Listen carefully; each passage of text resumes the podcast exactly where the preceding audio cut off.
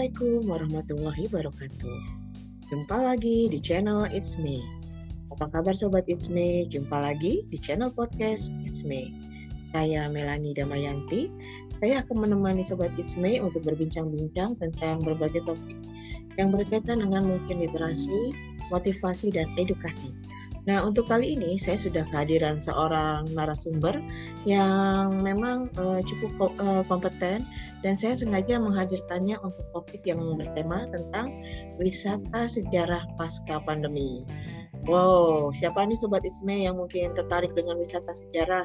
Nah, di sini saya sudah mengundang Sri Wulantuti Eko. Uh, ia adalah seorang founder Indonesia Hidden Heritage dan itu pengalamannya juga cukup banyak pernah menjadi senior eksekutif assistant uh, to the president or CEO di PT Tehwin Benaka Timur lalu juga eksekutif assistant to CEO PT Energi Global Internasional. Pengalamannya cukup banyak di bidang uh, ini ya uh, senior eksekutif assistant nah sobat Isme sekarang saya mau nyapa uh, Mbak Wulan. Saya panggil aja enaknya apa nih kakak Wulan sis atau gimana? Boleh Mbak kayaknya ya. oke deh Mbak aja ya. ya, uh, oke okay, Mbak Wulan. Gimana kabarnya Mbak Wulan? Assalamualaikum.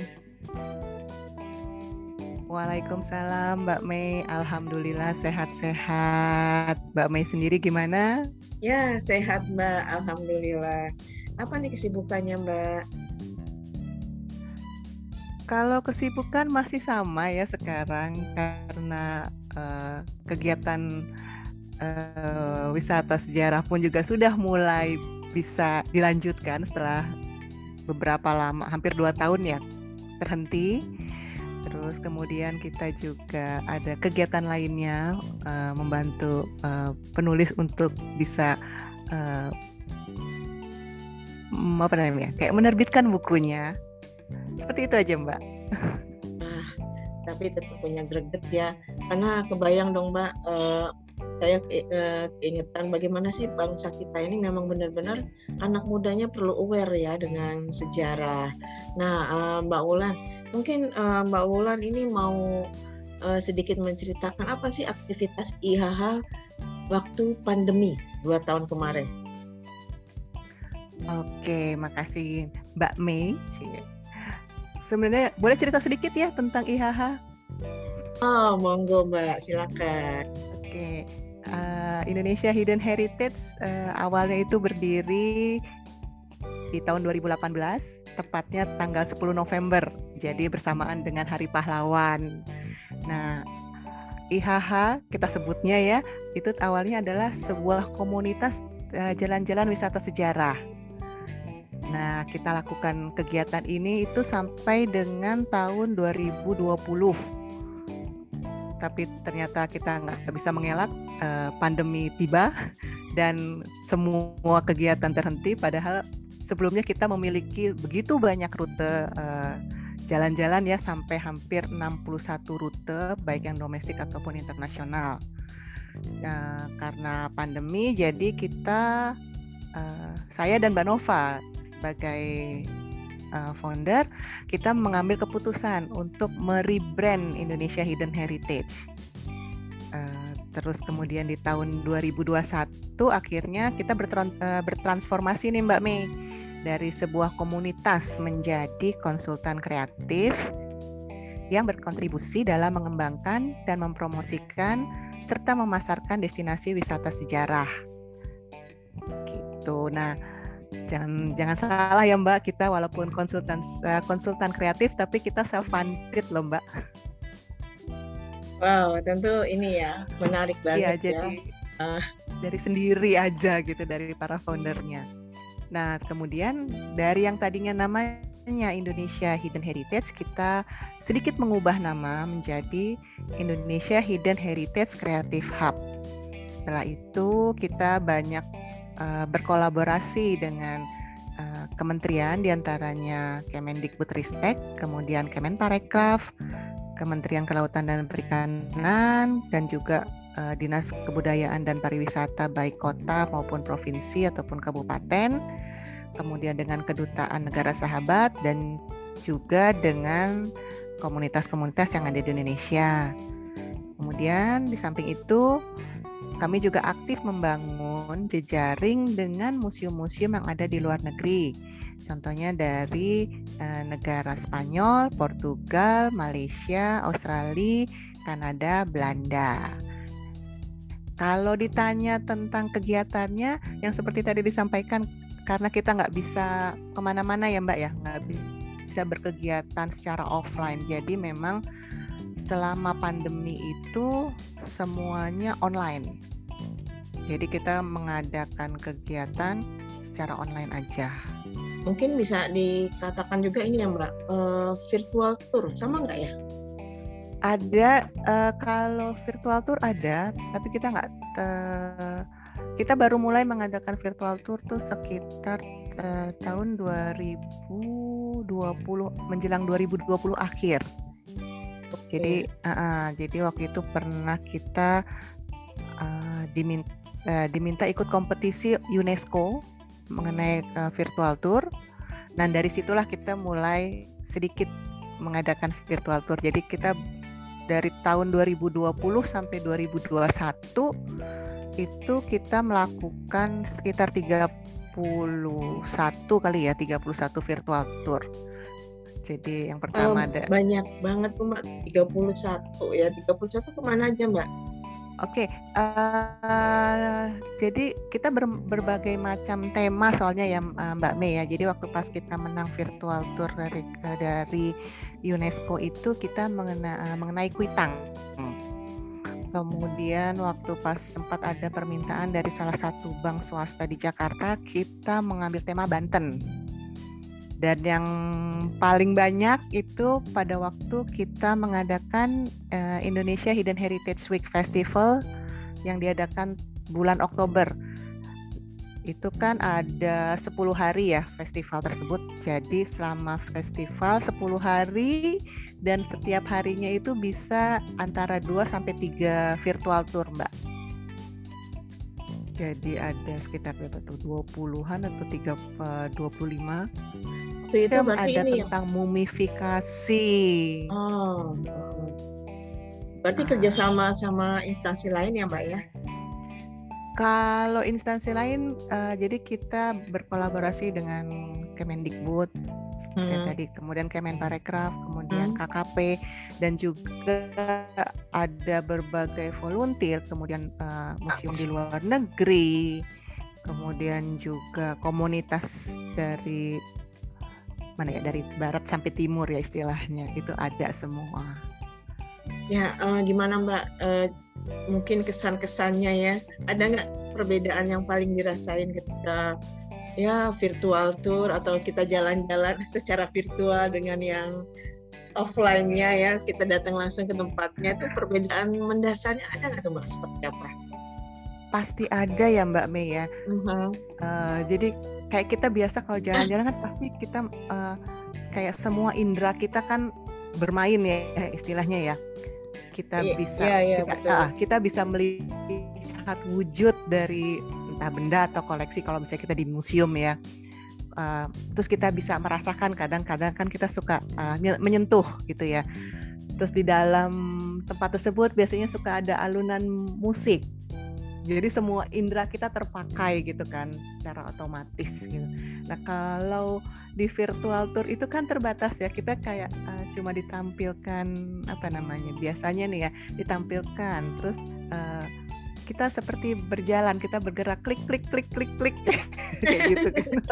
Ya kan? Kan? Biasanya kedengeran tuh kalau itu nyanyi ya jalan uh, mouse-nya tuh kan bisa kedengeran tuh klik klik ke sini terus belok ke sini. Tapi kita kan kok belok ke sini belok ke sana. Terus udah kita kayak ngelihat apa ya uh, tampilan tam apa ya namanya eh, nggak uh, bisa merasakan benar-benar ngerasain gitu loh mbak.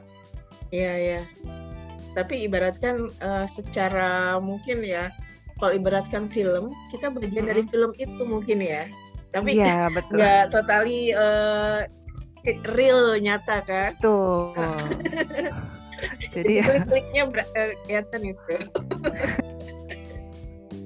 ya kan Iya, jadi ya itulah. Tapi biar bagaimanapun uh, kalau nggak ada teknologi, nggak ada virtual, kemarin kita jenuh banget pasti ya Mbak ya, pandemi kan. Betul, betul. Uh -uh, Itulah jadi, hebatnya ya teknologi. Uh -uh. Jadi minimal itu mengobati kerinduan yang orang senang jalan-jalan sejarah ya kan daripada tidak melakukan apa-apa di rumah uh, ini kan bengong ya masih ppkm ya kan seperti itu. Waktu itu peminatnya banyak nggak ya Mbak? Waktu ada uh, virtual tour? Waktu kita adakan yang dalam tentang periode 2020 sampai 2001, iya. uh, banyak Mbak karena uh, banyak karena uh, kalau dari Indonesia dan Heritage sendiri kan temanya selalu uh, macam-macam ya Mbak berbeda-beda. Ada apa namanya ada sejarah terus ada alam ada budaya. Jadi kita nggak fokus di satu misalkan ke suatu tempat uh, wis, uh, destinasi wisata sejarah aja. Jadi semuanya ada budayanya ada alamnya. Jadi uh, hampir semuanya kita kita cobakan untuk di virtual tour kan gitu. Itu virtual tour uh, apa peserta itu melalui zoom atau gimana mbak?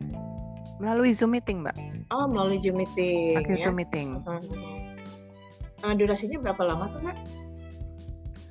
Uh, kalau yang permintaan klien, uh-huh. kalau yang permintaan klien itu uh, satu jaman ya, satu jaman. Seingat saya satu jam. Uh-huh. Hmm. Tapi kalau yeah. yang biasa ya paling 45 menit. Gitu. Hmm, hmm. Jadi inilah ya, ya ibaratkan kita sambil nonton TV ya, kita nonton Betul. program acara ya tapi kita bagian di dalamnya. Nah kira-kira apa tuh mbak kendalanya mungkin ya ketika pelaksanaan virtual tour? Kalau hambatannya kadang karena kalau kita harus uh, kan kita harus mengetahui ya mbak cerita apa yang kita tampilkan yang kita bawakan. Terkadang kan uh, ada beberapa yang mungkin tidak bisa kita ambil, kita dapatkan. Jadi kita harus benar-benar apa namanya improvisasi. Uh, dan satu yang paling agak sul, uh, tantangan pada saat virtual itu sebenarnya adalah sambungan internet. Iya, betul sekali. Sama aja kalau kita ada webinar gitu kan ya. Betul. Uh, uh. Tapi kebayang ya Mbak, kalau acara virtual tour gitu kalau misalnya sinyalnya nggak lancar kan harusnya kita berjalan tapi berlari tapi jalannya jadi pelan-pelan terputus-putus atau mungkin terlempar kan ya, betul jadi, mbak tapi ya itu ya. kadang-kadang kalau memang ada kendala-kendala teknis gitu kadang kita hmm. juga harus uh, mungkin sama dengan mbak Mei jadi kita harus kayak pinter berinovasi bukan berinovasi berimprovisasi uh, -huh. oh ini uh, maaf kendala teknis jadi kita uh. harus ini ini yeah, ini yeah. jadi ada sedikit uh, apa namanya ya supaya orang juga uh, merasa oh iya karena sambungannya uh, kurang baik oh ada kendala teknis uh, videonya tidak bisa ditampilkan atau oh suaranya nggak kedengeran nih oke akhirnya kita kita bercerita eh, bercerita yang lain seperti itu aja mbak. Uh, jadi ini ya biar bagaimanapun kalau kendala teknis ya itu kayaknya bersama ya ya sinyal Betul dan sekali. sebagainya. Nah uh, mbak kira-kira nih setelah pandemi kita mudah-mudahan ya katanya sih COVID naik lagi ya mudah-mudahan tapi keadaan tidak seburuk kayak kemarin ya sampai harus kita ppkm lagi gitu kan. Nah gimana nih menurut pandangan mbak Wulan? Uh, apa sih kira-kira uh, peluang wisata sejarah pasca pandemi ini? Gimana mbak? Kalau peluangnya sih kalau menurut saya uh, besar ya mbak ya. Uh, mungkin mbak Mei bisa uh, kalau mbak Mei mungkin mbak Mei pasti pasti sering uh, cek Instagram itu pasti hampir setiap minggu kalau kita lihat ya Mbak ya itu pasti beberapa kayak tour operator atau mungkin komunitas itu pasti mengadakan working trip dengan rute-rute yang berbeda. Itu pasti di iya, setiap ya, minggu di setiap minggu itu pasti ada. Sabtu Minggu bahkan di hari kerja pun mereka ada. Jadi kalau uh, menurut saya uh, uh, wisata sejarah pasca pandemi itu memang masih menjanjikan, masih banyak diminati. Karena uh, ada kemungkinan juga mungkin orang udah bosen ya Mbak ya, kayak misalnya main ke mall, hmm. paling apa? Shopping makan shopping kayak gitu ya. Terus orang pasti mencari sesuatu yang baru yang mungkin tadinya mereka anggap ngapain sih kayak main ke museum? Ngapain sih jalan-jalan uh, ke tempat-tempat uh, yang bersejarah tapi dengan pengemasan uh, packaging yang baik uh, peluang uh, wisata sejarah itu masih cukup bagus. Masih banyak peminatnya. Ya mbak kenapa ya? Uh, saya kan juga berapa kali kan ikut ini ya jalan-jalan sejarah IHH ya. Mayoritas hmm. tuh uh, peminatnya ya kayaknya orang-orang yang seumuran kita kita ya yang secara mungkin uh, generasi yang berasal 90-an gitu kan atau hmm. mungkin yang lebih di atasnya nih anak-anak misalnya kayak SMP SMA kayaknya tuh masih belum ini ya mbak ya belum kayaknya ada rasa ketertarikan dengan yang namanya wisata sejarah gimana nih mbak?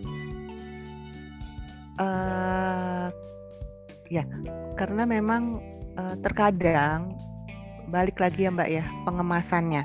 Kemudian uh, pada saat kita menawarkan produk uh, menawarkan produk atau wisata sejarah tersebut, kita kadang tuh memang harus uh, apa namanya? Uh, kalau anak muda tuh atau anak anak sekolah itu kan uh, mereka selalu ingin tahu gitu ya Mbak ya ingin tahu apa sih gitu. Jadi memang harus uh, mengemas paket atau uh, produk tersebut harus yang di, bisa memancing keingintahuan uh, usia sekolah ataupun juga anak-anak muda. Kalau di uh, IHH sendiri biasanya kalau tim kreatif itu senang sekali membuat flyer dengan untuk menarik keingintahuan ya. Itu membuatnya dengan uh, flyer atau desain dengan warna-warna yang cerah. Dengan gambar-gambar Iya, ya. ada ada filosofinya nggak tuh Mbak? Kenapa harus warna-warna cerah? Warna apa aja sih yang cerahnya? Iya, biasanya kita suka merah, ya. merah uh, biru. Pink, biru. Nah, itu uh, kayak eye catching gitu loh Mbak. Terus sama uh -uh. maksudnya penggunaan gambarnya yang kadang-kadang uh, gambarnya seperti ini. Ih, kenapa gambarnya misalnya kok kenapa gambarnya harus uh, apa namanya? kapal pinisi misalkan kayak gitu. Padahal kita uh, rencana adalah mungkin kita mau mainnya ke Museum Bahari. Terus kita suka uh, senang bermain dengan kata-kata atau kalimat ya Mbak ya. Mbak Mei sebagai orang yang uh, kompeten uh, literasi pasti tahu ya Mbak ya. Kadang-kadang kan kalau kita membuat uh, kayak iklan untuk walking trip tuh suka oh, membuatnya oh, bikin bikin kalimat uh, kontennya tuh dengan kata-kata uh. yang kayak menggugah perasaan. Kadang-kadang sampai yeah. kadang-kadang kita bikin yang kayak romantis gitu. Terus langsung pada oh. oh, itu tentang apa ya? Itu uh -uh. ngapain? Terus ah kita mau daftar. Uh -uh. Seperti itu, Mbak. Kita yeah, senang bermain dengan kata-kata, gambar dan ya. warna. Mungkin ya ibaratkan kemarin saya juga ini Mbak apa melakukan penelitian tentang nostalgia. Nah, memang hmm. dalam nostalgia ini, uh, Mbak, jadi penggalian memori itu bisa diangkat dari warna, ya juga, juga dari eh, gedung-gedung bersejarah. Nah, mungkin dari warna atau mungkin dari gambar-gambar itu bisa mengingatkan ini, Mbak, orang yang mungkin usianya sudah di atas ya, inget lagi, wow dulu ketika dulu nih kita mengalami peristiwa ini gitu loh gitu jadi bisa diangkat memorinya seperti itu itu mbak dari warna-warna atau dari gambar Betul. tapi ini ya memang uh, kalau untuk anak muda sih ini ya tantangannya tentunya berbeda ya mbak dengan mungkin uh, kita yang memang sudah punya memori banyak ya tentang asam manis. Kalau anak muda kan mungkin masih senang masih senang ke K-pop gitu kan. Iya kan, masih senang K-pop, masih senang yang hore hura gitu kan. Kalau wisata sejarah mungkin hanya segelintir kayaknya ya Mbak. Nah, mungkin dari pihak ya ya ada nggak uh, trik khusus tuh menggait anak muda agar lebih ya mau ikut kegiatan ya atau lebih sadarlah dengan sejarah bangsanya? Uh, kalau untuk itu sebenarnya kita balik lagi ya mbak ya kalau misalkan uh, untuk menarik seperti untuk yang walking trip kita menggunakan desain uh, yang penuh warna uh, penggunaan kata-kata yang menggugah keinginan tahuan. Tapi kalau untuk mengajak anak anak-anak muda atau mungkin anak usia sekolah gitu ya, itu kita kembali lagi karena mereka uh, kita uh, sebagai yang mengadakan kegiatan uh, usahakan untuk tidak bercerita sejarah yang terlalu berat kalau di IHH biasanya kita hanya menampilkan uh, cerita secara singkat, hanya kita bilang kayak kulitnya gitu loh mbak. Hmm. Jadi uh, memancing keinginan tahuan mereka. Terus selanjutnya gimana nih? Nah kalau setelah itu kita bisa baca buku ini. Kemudian kalau untuk uh, menarik uh, mereka datang ke tempat uh, seperti museum memang mungkin Mbak Mei juga tahu ya agak sulit ya. Dan mem uh, kalau seperti museum itu memang harus ada kegiatan atau aktivitas. Jadi uh, anak muda atau mungkin anak usia sekolah merasakan experience. Ada apa sih di museum selain kita hanya melihat koleksi? Ya memang nah, ini sih. Kalau Mbak. dari IHH. Ya, maaf. Ya.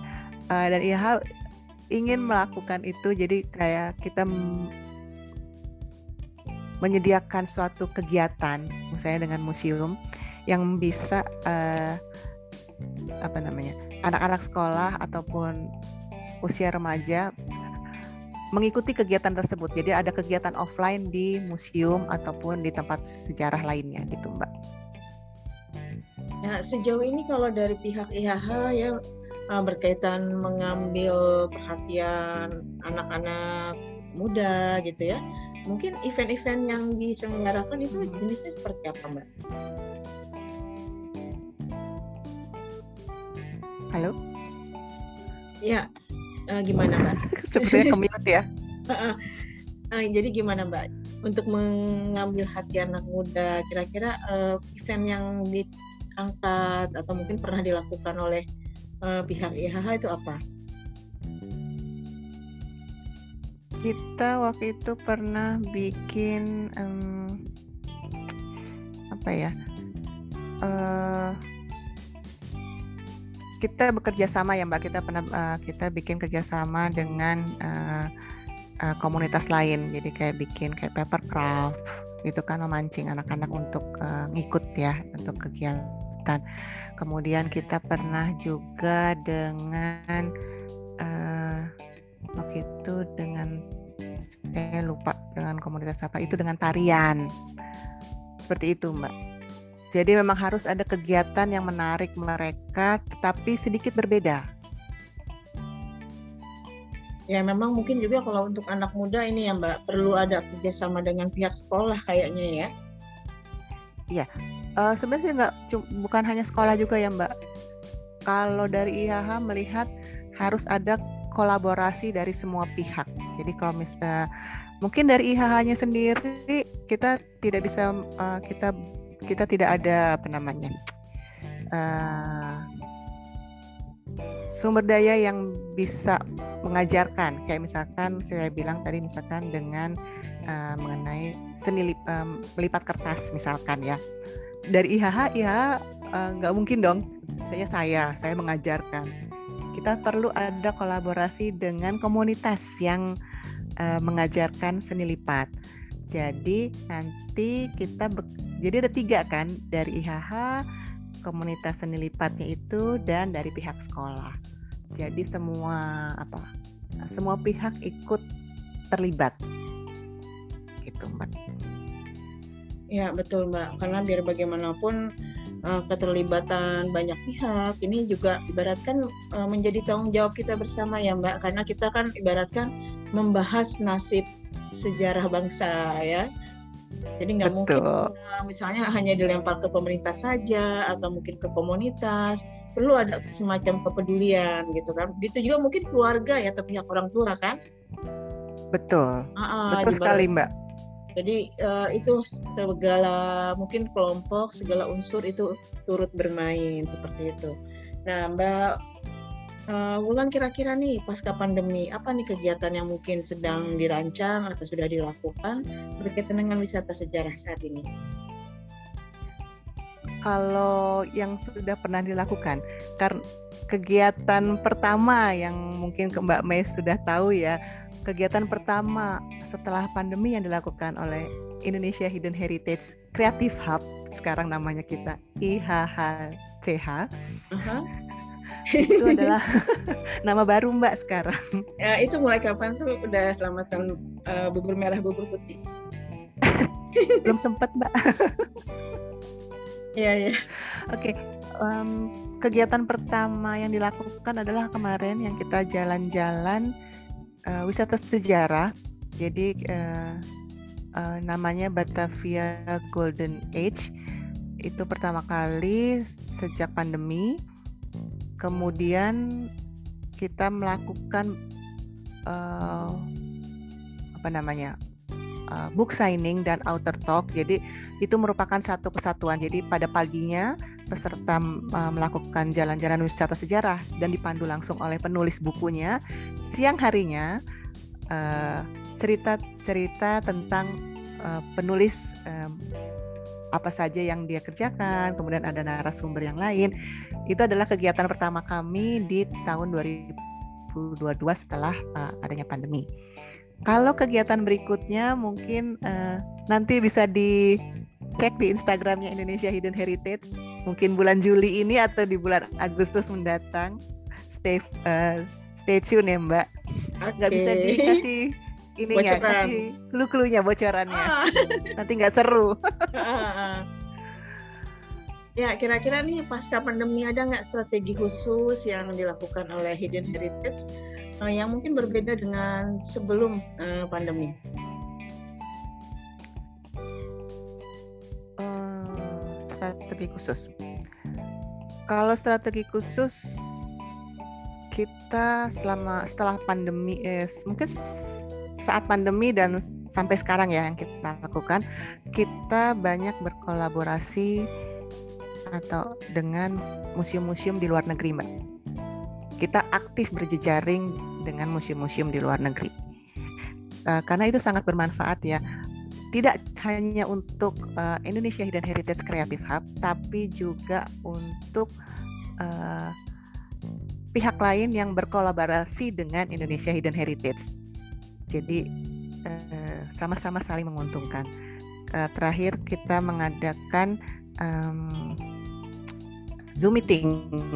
Jadi antara uh, Museum Kota Palembang, kemudian Indonesia Hidden Heritage dan beberapa museum di luar negeri.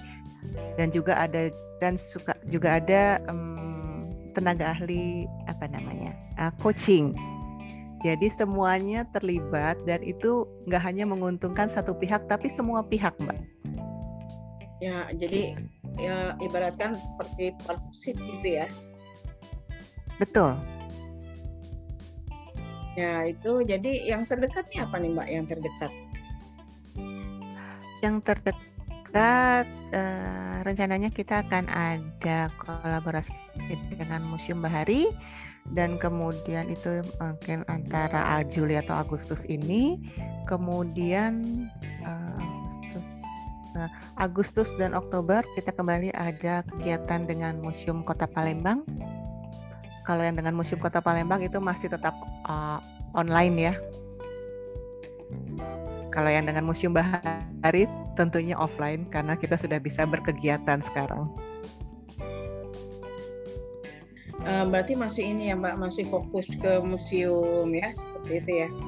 Ya, saat ini. Uh, uh, wow, uh, banyak sekali nih kegiatan-kegiatan uh, yang mungkin uh, sudah direncanakan uh, pasca pandemi ya. Uh, tapi kira-kira apa nih Mbak tantangannya nih, tantangan yang kira-kira uh, mengembangkan wisata sejarah pasca pandemi? Ada nggak tantangan yang mungkin uh, uh, dipikirkan atau mungkin dirasakan harus uh, dilalui seperti itu Mbak? Tantangannya, uh, kalau tantangannya sebenarnya uh, kita balik ya, kalau sudah berkegiatan offline, uh, kita balik lagi ke standar kenyamanan dan keamanan. Hmm. Kemudian peningkatan kualitas destinasi wisata sejarah itu tersendiri dan kualitas sumber daya manusianya. Paling penting sih itu, Mbak. Ya, ini ya berarti mungkin ibaratkan secara prinsip sih nggak jauh beda dengan sebelum pandemi ya, Mbak. Iya. Tapi mungkin ya tantangannya mungkin yang pertama di awal ini mungkin bangkit dulu kali ya, Mbak ya karena kan orang mungkin betul beda ya dengan se sebelum pandemi. Iya, yang paling berasa mungkin eh, kalau dulu sebelum pandemi kita tidak pernah mengenal adanya protokol kesehatan ya Mbak ya. Iya. Uh -uh. Itu mungkin paling yang sekarang orang paling ingat dan sekarang setelah saat pandemi dan bahkan sekarang setelah pandemi pun itu masih tetap berlaku. Jaga hmm ikuti protokol kesehatan. ikuti protokol kesehatan. Wow, uh, bukan main ya. Jadi memang mau tidak mau kita harus ikut ya protokol kesehatan. Apalagi sekarang betul. Katanya COVID meningkat lagi. Waduh, mudah-mudahan sih naik lagi. Uh, uh. ya, sobat Isme. Uh, mungkin bincang-bincang saya dengan Mbak Wulan ini uh, ini yang menjadi semacam uh, mudah-mudahan bisa menjadi penambah wawasan tentang bagaimana sih ternyata wisata, uh, wisata sejarah itu sangat dibutuhkan, sangat mungkin uh, perlu bagi kita uh, mengenalkan sejarah pada generasi muda ya seperti itu.